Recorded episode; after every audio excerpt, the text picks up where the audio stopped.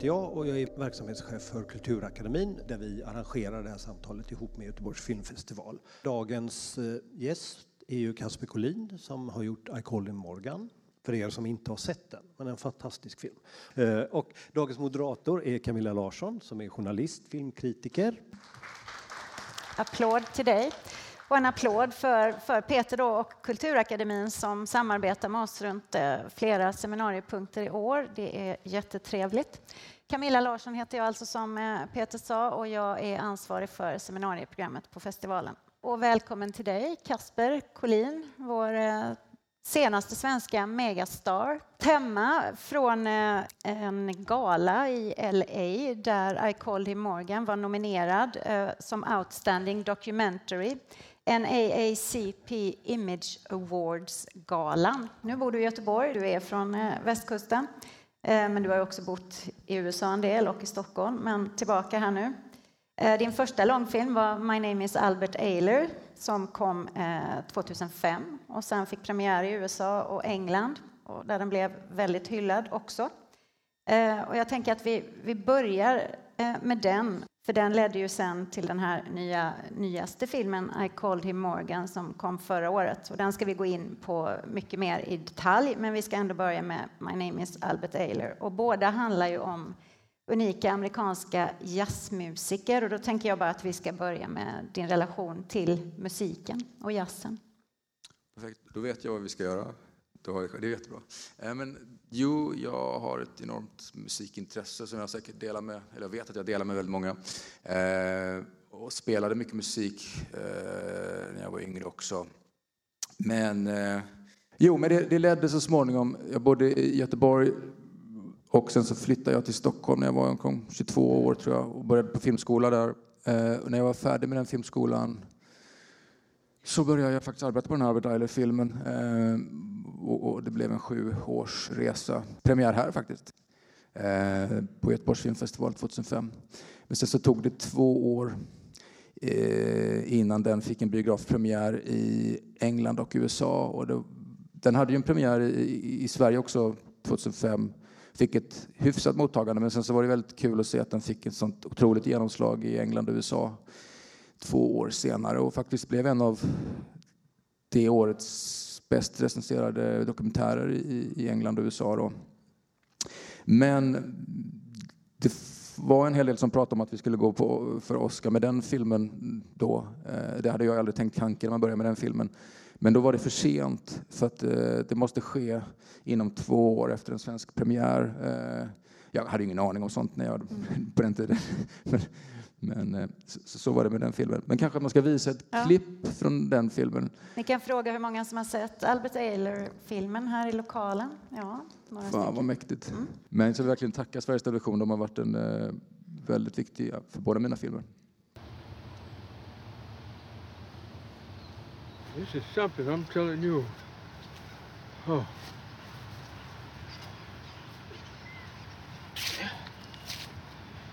Edward.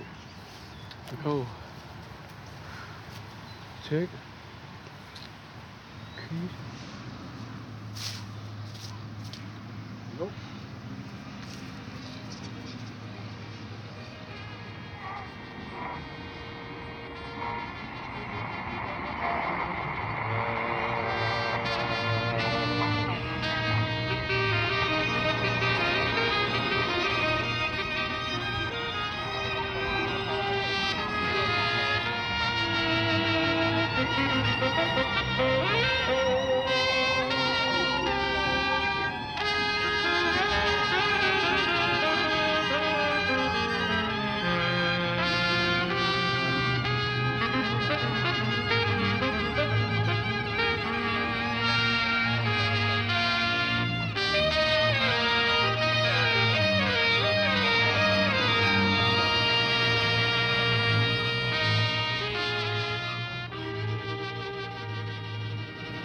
Music that I am playing, this is what keeps me going in life.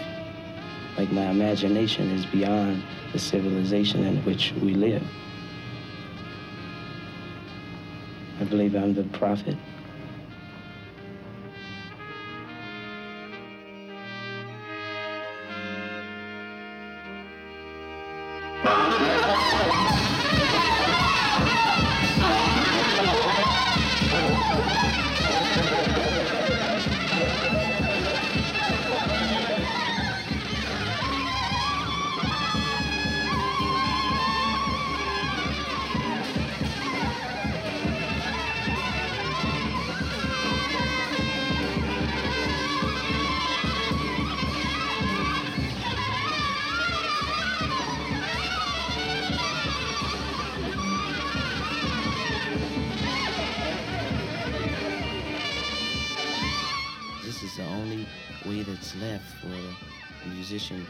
play. All the other ways have been explored.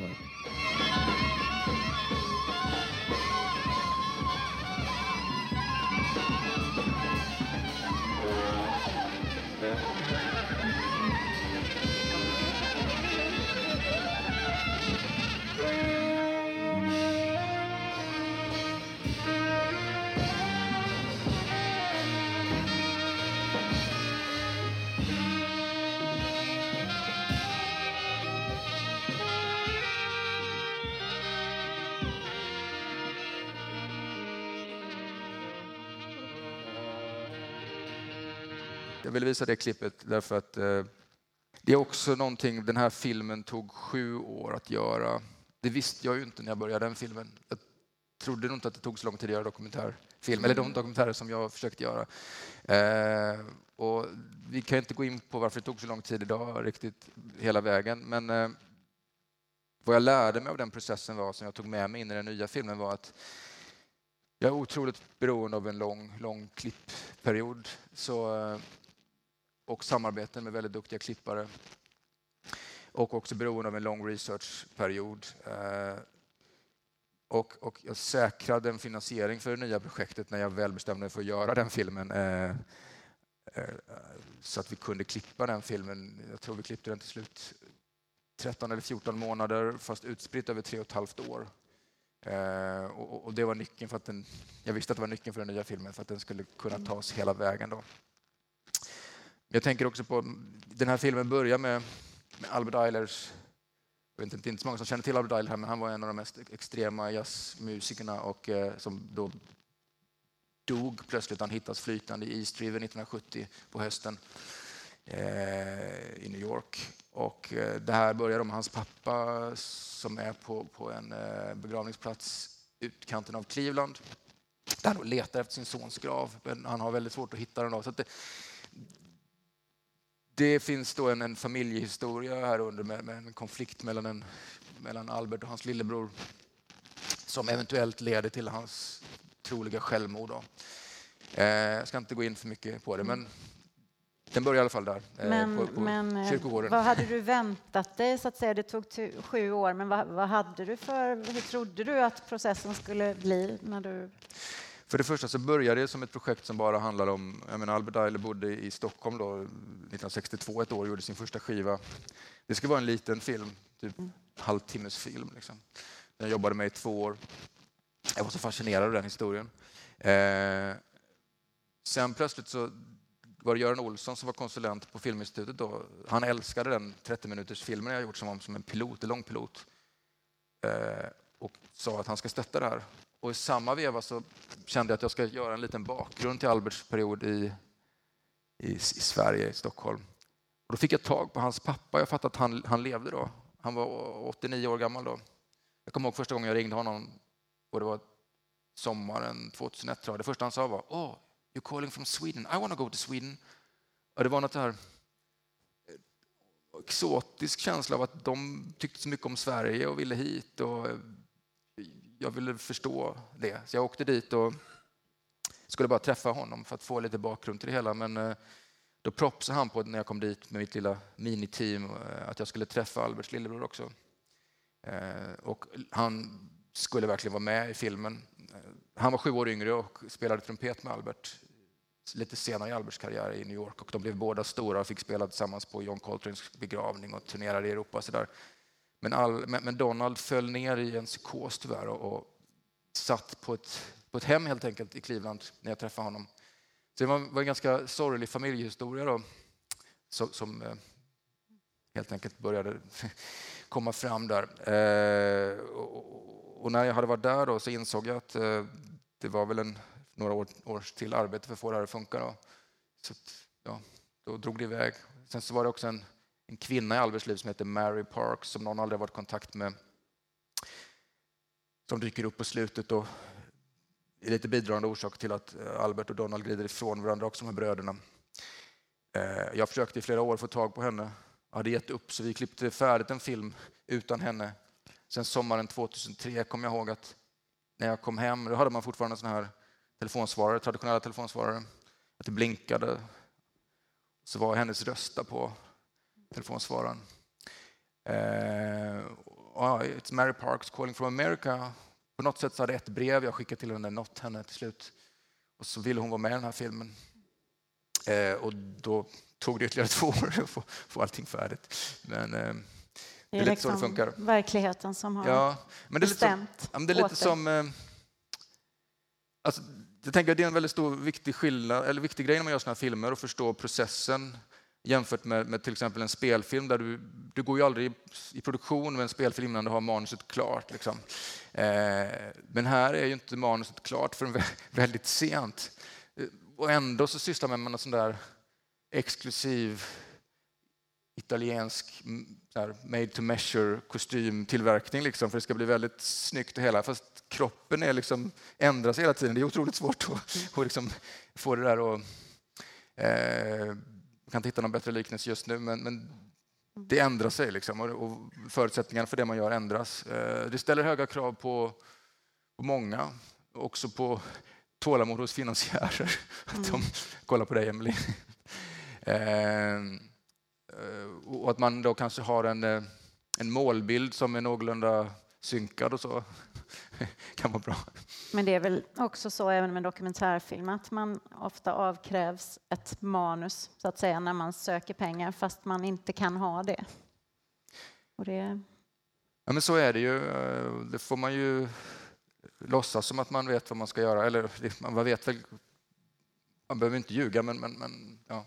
man mm. vet ju att det kommer kanske sluta någon annanstans. Mm. De flesta finansiärer tror jag är medvetna om det också. Förstår det ändå. Ja. Men sen om jag har förstått det rätt så hade du väl egentligen inte tänkt att du skulle ge dig in på en, eh, en liknande tripp eh, lika många år eh, och med en ny film utan tänkte göra någonting eh, annat. Men så blev det ändå I called him Morgan. Vad, vad hände? Ja, det är en bra fråga där. Eh, jo, nej, men det, det sju år med en, en jazzrelaterad film, hur mycket jag än älskar den musiken eh, som utspelar sig under 60-talet, tidigt 70-tal i USA, New York, så kände jag kanske att jag hade gjort det och att jag som filmare ville göra lite andra saker. Så jag jobbade med en del projekt. Sen så tror jag det dröjde, det är 2007 eller 2008 någon gång, fortfarande jättemusikintresserad, tittar på, på Youtube och så är det ett klipp jag hittar med, med just Lee Morgan, han spelar Mart Blake i And the Jazz Messengers. Jag känner till Lee Morgan, men, men jag har inte liksom fastnat för honom. Eh, men just det här klippet är från en japansk tv-studio 1961. De spelar en klassisk komposition som heter That There. Och det var Lee Morgans solo där som var helt fantastiskt. Så jag tänkte jag skulle spela det klippet, mm. för det var ingången till det här projektet. Mm. Kan det vara något? Det kan vara bra. Vi kör på det.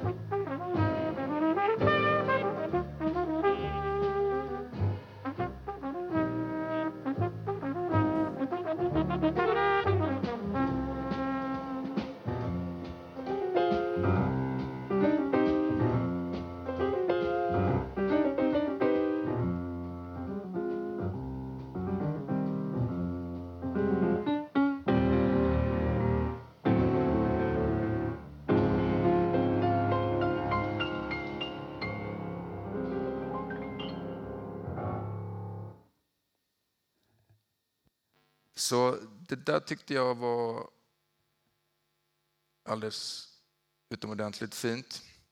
Eh, och hade egentligen aldrig hört någon spela trumpet så på det sättet tidigare. Eh, och som det blir så när man hittar något som man gillar så spelar man här på repeat en vecka eller sådär. Eh, men sen så, givetvis känner jag till i Morgan, men jag känner egentligen bara till det här Sidewinder och det här, som var hans hit. Eh, men jag kom mer från en experimentell sida in i jazzen, eh, från rockmusiken och gillade den mer spirituella och den frijazzen och Albert Eiler och John Coltrane. Det var mer min ingång. Eh, och här insåg jag att det fanns en, en annan Lee Morgan som var den här sökande unge konstnären. Då.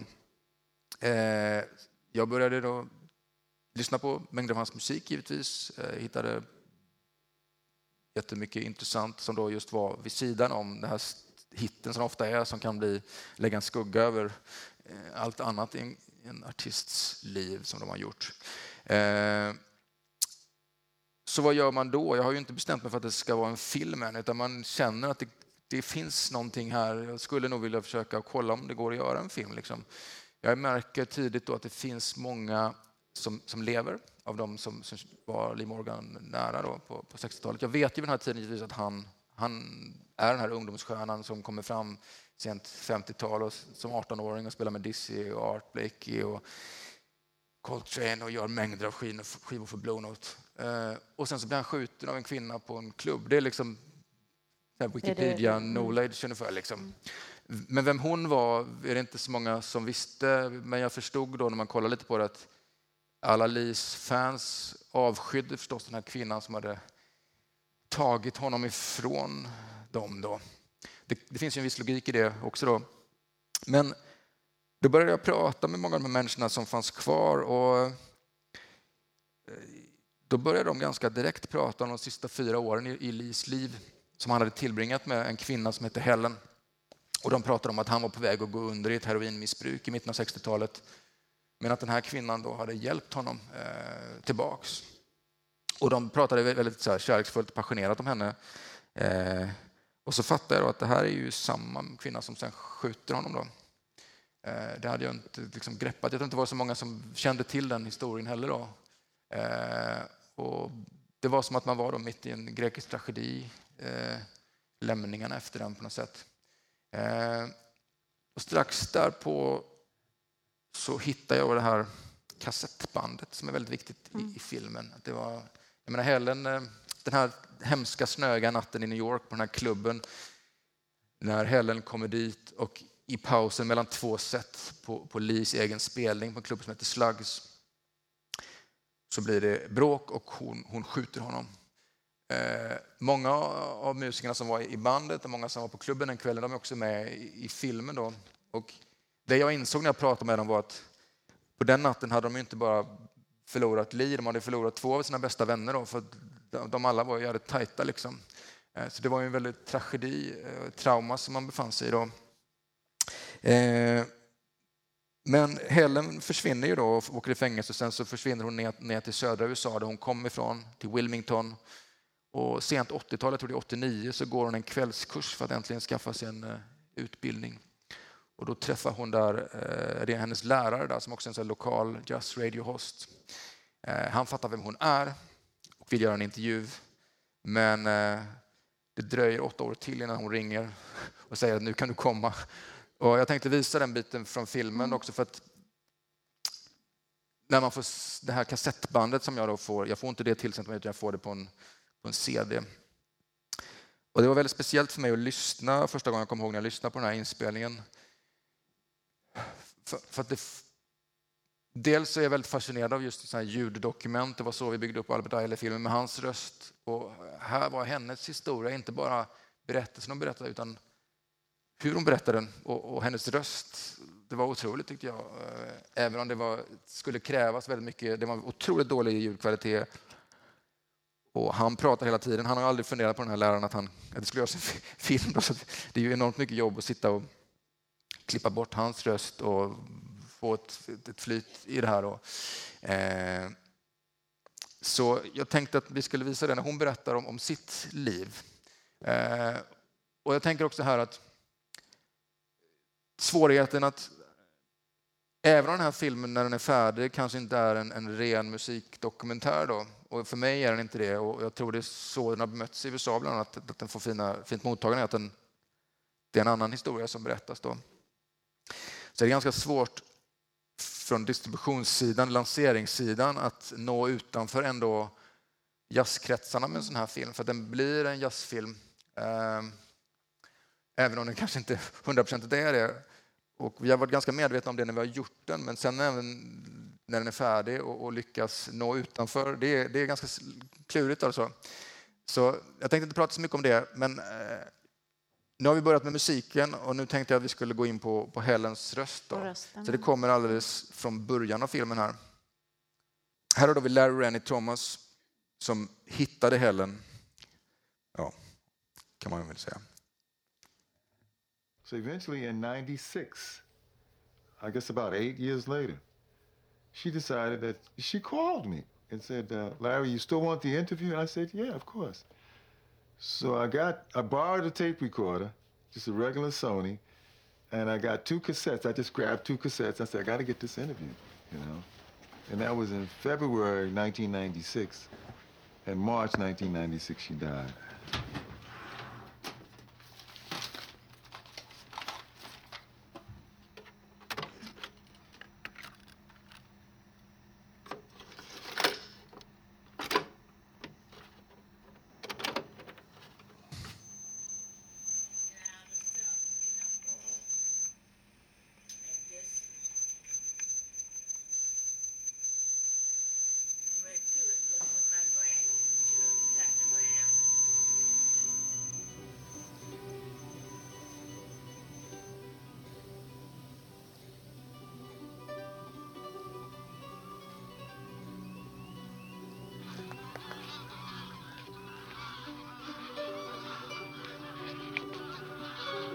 The country I never liked at all.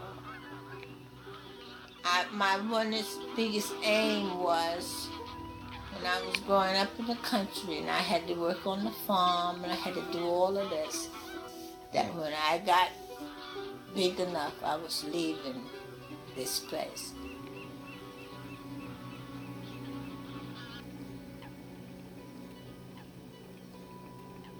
And I was I was young then too, and then see I had kids early.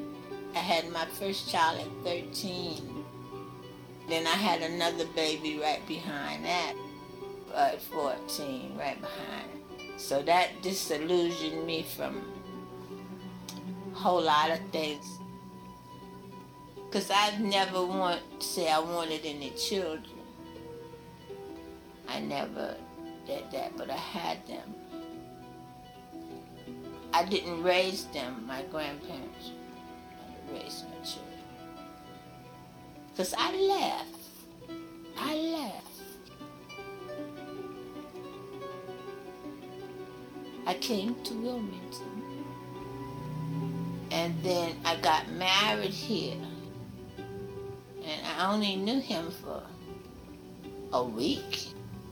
And this was like the fast life here. I was 17, he was 39. And he got drowned. So his family lived in New York. And I left Wilmington to stay two weeks in New York. And I never came back.